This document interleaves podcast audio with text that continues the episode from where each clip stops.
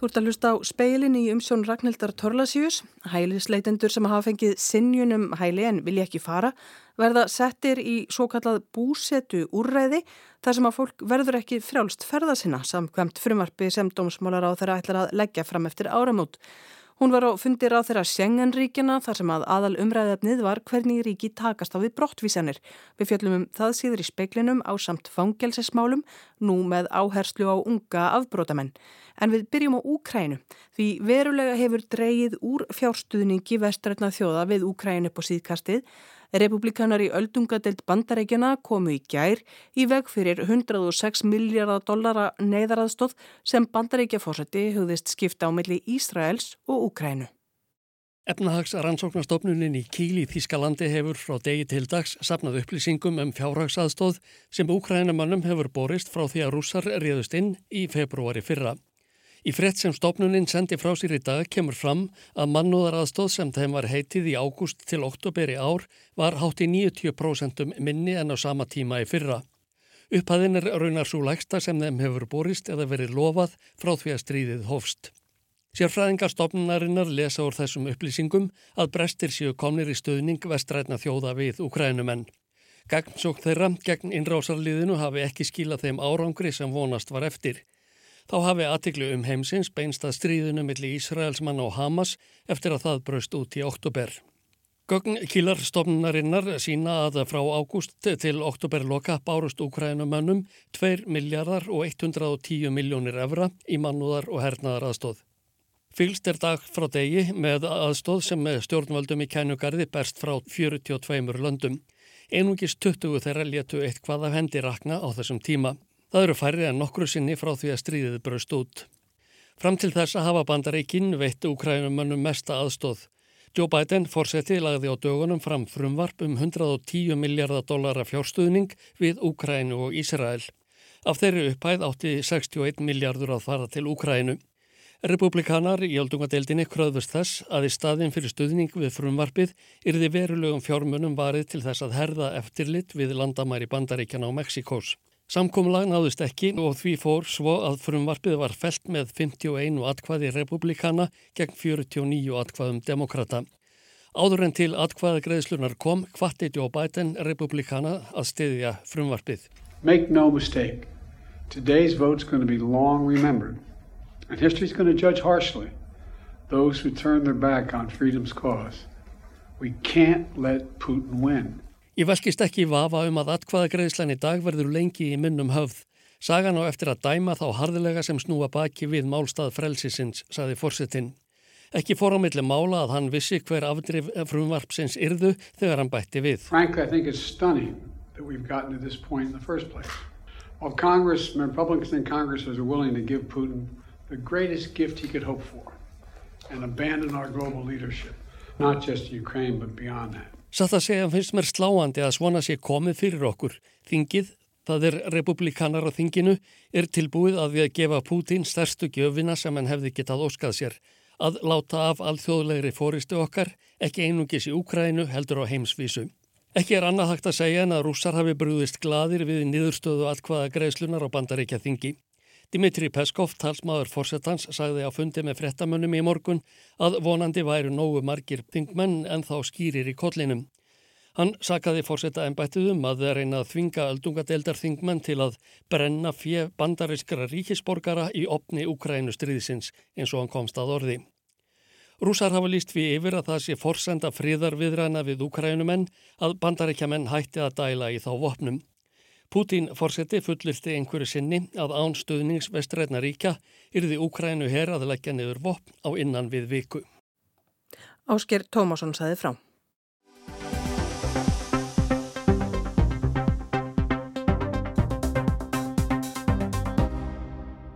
Brótamenn undir 18 ára aldri fara ekki í fangelsi nema í algjörum undantekningatilfellum en þeim hefur farið fjölgand upp á síðkastið kort ungu karlmannunum sem grunaður eru um og jafnvel staðnir að alvarlegum ofbeldisbrótum og eru dregnir fyrir dóm í kjölfarið.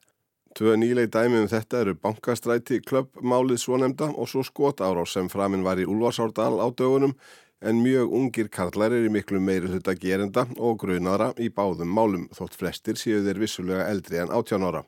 Speillin hefur fjallað um nýjútkomna skýslu ríkisendurskoðunar um fangilsismálastofnun síðustu daga og þótt ekki sé sérstaklega fjallað um unga fanga í henni spurðum við Pál Vinkel, fangilsismálastjóra, út í aðstæður þessa viðkvæma en stækkandi hóps. Þetta var mjög lítill hópu lengi vel, þetta voru bara sko inn á við fimm einstaklingar hverju sinni, svona, svona kottnungir sko. En í dag eh, er það maður fjölga, hans, hans er höstlega, hans er hatt. Uh, ég veit nú ekki hvernig þróunum verður, vonandi verður hægt að rjúa þennan vítaring og, og þetta ástand sem verður störa að skapast í samfélaginu, en þetta getur enda með 20-25 manns.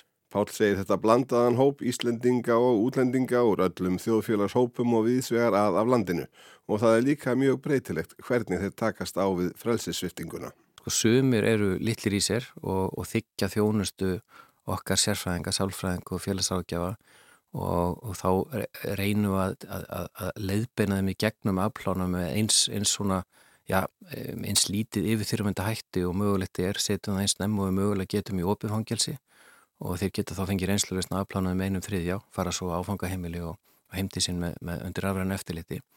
Eh, en sumir eru mjög fórhertir og, og halda áfram brotum inn í fangilsin og þá er, býður ekkert annað í loka fangilsi um lengri tíma og það er slemt. Flestir eru þessir ungu menn greipni fyrir ábeldis og eða fíknefnabrott og þeir tilhera ymsum hópum sem ósjaldan þykjast eiga eitthvað óuppgert við aðra svipaða hópa og við því þarf að breyðast. Við höfum grepið til hansi margra ráðstafana til þess að skilja að smerri hópa fanga með því að byggja holmseðina og með lagabreitingum þar sem okkur gefst möguleik á að veita ungum ábrótamönnum reynslulösn eftir einn þriðja hluta afplánar gegn því að við komum til að hægisa vel.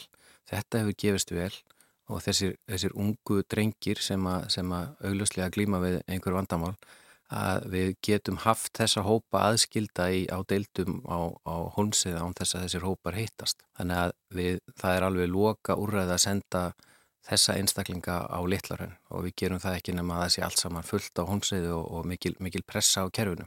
Ég held hins vegar að það væri mjög æskilegt fyrir okkur að atu og, og, og reyna aðra leiður en að loka þessa einstaklinga í fangilsi við fyrsta eða annað brot heldur gera nákvæmlega það sem var gert í þessu bankastræti klöppmáli sem ára hverjum dómur þar fyrir, fyrir nokkrum dögum síðan eða vikum að þar úrskurðaði dómar að, að þessir einstaklega var allir sekir en tók stóran hlutaðir og, og sakveldi en frestaði ákvörðun refsingar eh, skilósbundið gegn því að viðkomandi sætti umsjón og eftirliti þá hjá fangilsmálstofnun.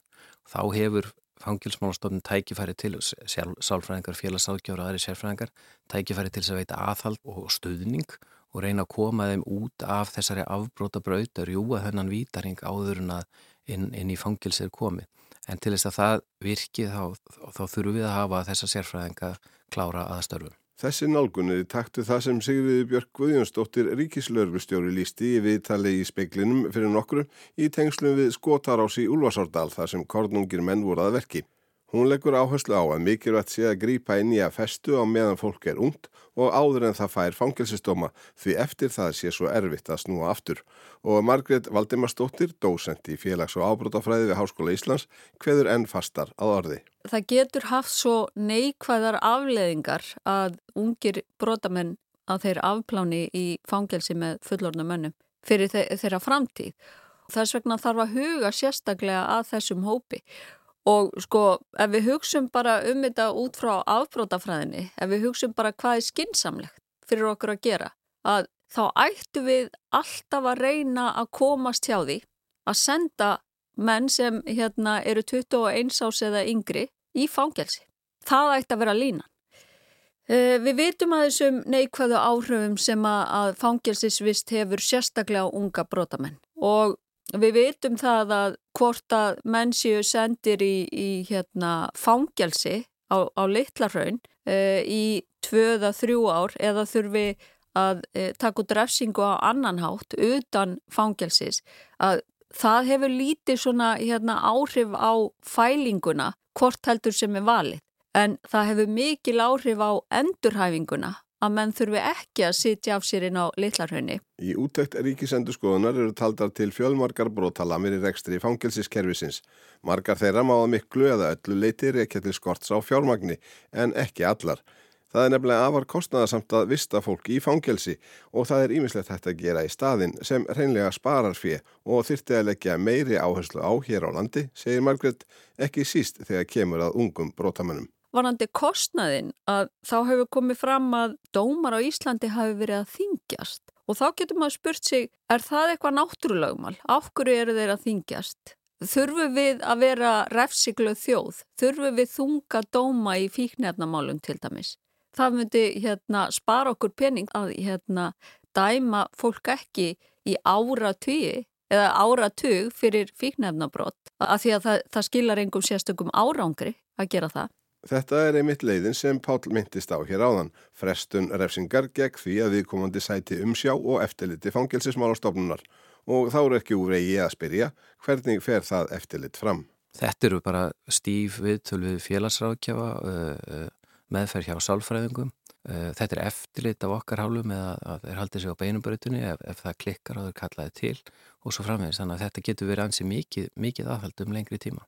Og ég er samfarið um að þó að það hefur, munu öruglega ekki virka fyrir alla, þá gæti það virka fyrir þann hóp fólks eða ungmenna sem, að, sem eru ekki eins kannski harsvíruð og þessi, þessi, þessi vestu. Já, það er þetta með þessi allra vestu. Svo er líka eitt sem við verðum þegar við erum svona spá í unga afbrótamenn að við út af þessum neikvöðu áhrifun sem fangilsisvist hefur á þá er að sko samfélagi þarf hreinlega vernd fyrir sömu fólki. Við þurfum líka að hugsa um þetta sem bara sko svona eh, öryggismáli fyrir sig að réttar öryggis eh, almenna borgara. Það eru auðvitað þannig að það eru hér ungir brótamenn sem eru hreinlega bara hættulegir samfélaginu og það er mikilvægt þess vegna að þeir séu ekki í samfélaginu í ákveðin tíma. En þetta er rosalega lítið brot af öllum ungum brotamönnum. Og þetta litla brot, segir Margrit, má ekki villa fólki sín og leiða til harðari refsistefnu. Hún segir heldur ekki þörf fyrir sérstakt fangelsi fyrir unga brotamenn. Sérstök fullkomlega aðskilin deilda á hómseiði ætti að duga fyrir þá fáu sem nöðsynlega þarf að svifta frelsi. Almenna línan ætti alltaf að vera að reyna að halda ungum brotamönnum utan fangilsis eins og gert er í Noregi en þar er refsistefnan sérstaklega árangursrík. Og þegar við erum að tala um árangursríka refsistefnu að þá erum við kannski helst að skoða eins og ítrökunatíðinni. Er fólk að koma að brjóta af sér aftur eftir það hefur afplána og ítrökunatíðinni er lægst í Noregi og Noregur hefur svona frekar eh, milda refsilögjöf í samanbyrði við mörg önnu lönd sem að, já, sömum gæti þótt of mild en það samt ber árangur. Það ber árangur og í Noregi er hérna reynd að komast hjá því að setja unga brotamenn í fangilsi, já. Saði Margret Valdimarsdóttir að Ævarörn Jósefsson tók saman.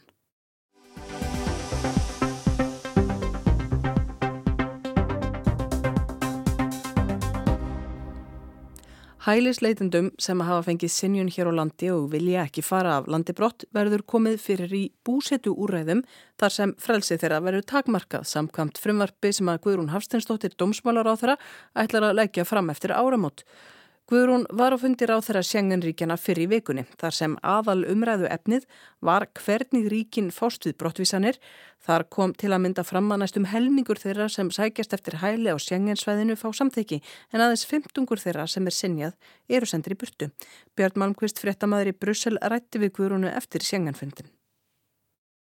Staðan er um margt ágætt en það eru mörg krefjandi viðfásæfni innan sjengen og sérstaklega brottvísanur út á svæðinu og það kom fram hér á fundunum að e, það eru um miljón hælisleitenda sem koma hingað inn á svæðið e, núna og það er 25% fjölgun á milli ára sem er gríðarlega mikið. E, það er hátt hlutfall þeirra sem fáðend eða 46%. Hins vegar eru við bara að ná að senda 22% frá svæðinu sem það er sinjun og það er mjög alvarlegt vegna þess að þetta kerfi er byggt upp með þeim hætti að þeir sem fá sinnjun þeir verða að yfirgefa svæðið.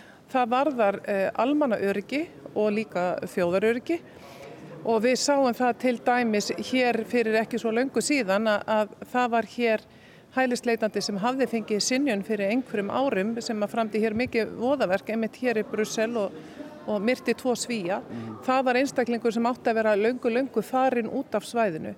Þannig að þetta verða ríkin og það var rætt mjög hér í dag að ríkin verða að, að standa betur og vel að brottflutningi þeirra sem að fá ekki vend hér inn á svæðinu. Talandum fólk sem hefur verið hafnað og, og býtur brottflutnings, hvað með, hvað með úrræði fyrir þau á Íslandi? Þetta var mikið rætt í sumar og, og stjórnvöld voru gaggrind. Já, ég er að leggja fram frumvart núna eftir áramót um uh, búsettu úrræði með takmarkunum eða sem ég vilja kalla lokuðu búsettu úrræði. Þetta er sannlega frelsis svifting eða frelsisgerðing fólks með einhverjum hætti. Það úrræði tekur þá við e, þá þeirra einstaklinga sem að hafna allri samfunni við stjórnvöld og ætla ekki að yfirgefa senginsvæði eins og fólki ber að gera. E, aftur á móti hafa Íslands stjórnvöld lagt á það mjög mikla áherslu að, að við sinnum fólki svo framarlega sem að, e, og fólk nýtur fullrar þjónustu, svo framarlega sem að fólk sýnir samstagsvilja með stjórnvöldum til farsallar heimfarar eftir að fólk hefur fengið sinjun á Íslandi og þar með inn á senjarsvæðin og bera yfirgjöfa svæðið. Talandum að senda fólk heim, það fór stór hópur sagt, eh, fólks frá Venezuela með leiguflugi frá Íslandi þangað ekki fyrir mjög löngu síðan. Eh, það kom í ljós að það var tekið að móti fólkinu á þann hátt sem að, sem að Íslensk stjórnvöld höfðu kannski ekki endilega búist við. Eh, þótt að allt hafi kannski á endanum farið vel en þetta kom ykkur að einhverju leiti á óvart allavega skildist manna fréttum. Sko, er einhvern lærdom að draga af þessu hvað varðar sko, svona, svona framkvæmdir í framtíðinni? Þar er þetta vísa til þess að, að Íslega stjórnvöld í samfunnu við Frontex skipulögðu sjálfviljöga heimför fólks til Venezuela mm -hmm. og fyrir um mánuði síðan. Uh, allt utanumhald og allt uh, gekk vel og Frontex hefur rósað íslensku stjórnvöldum fyrir allt utanumhald í kringum þennan uh, fluttning til Venezuela. Hins vegar kom það okkur óvart og það er rétt að þegar að til eh, Caracas kom að þá var fólkið má segja frelsisvift í tæpan sólaring. Eh, Stjórnvöldi Venezuela segja að þetta hafi verið svona ákveðin skráning á fólkin í landið, COVID-próf og svo framvegs.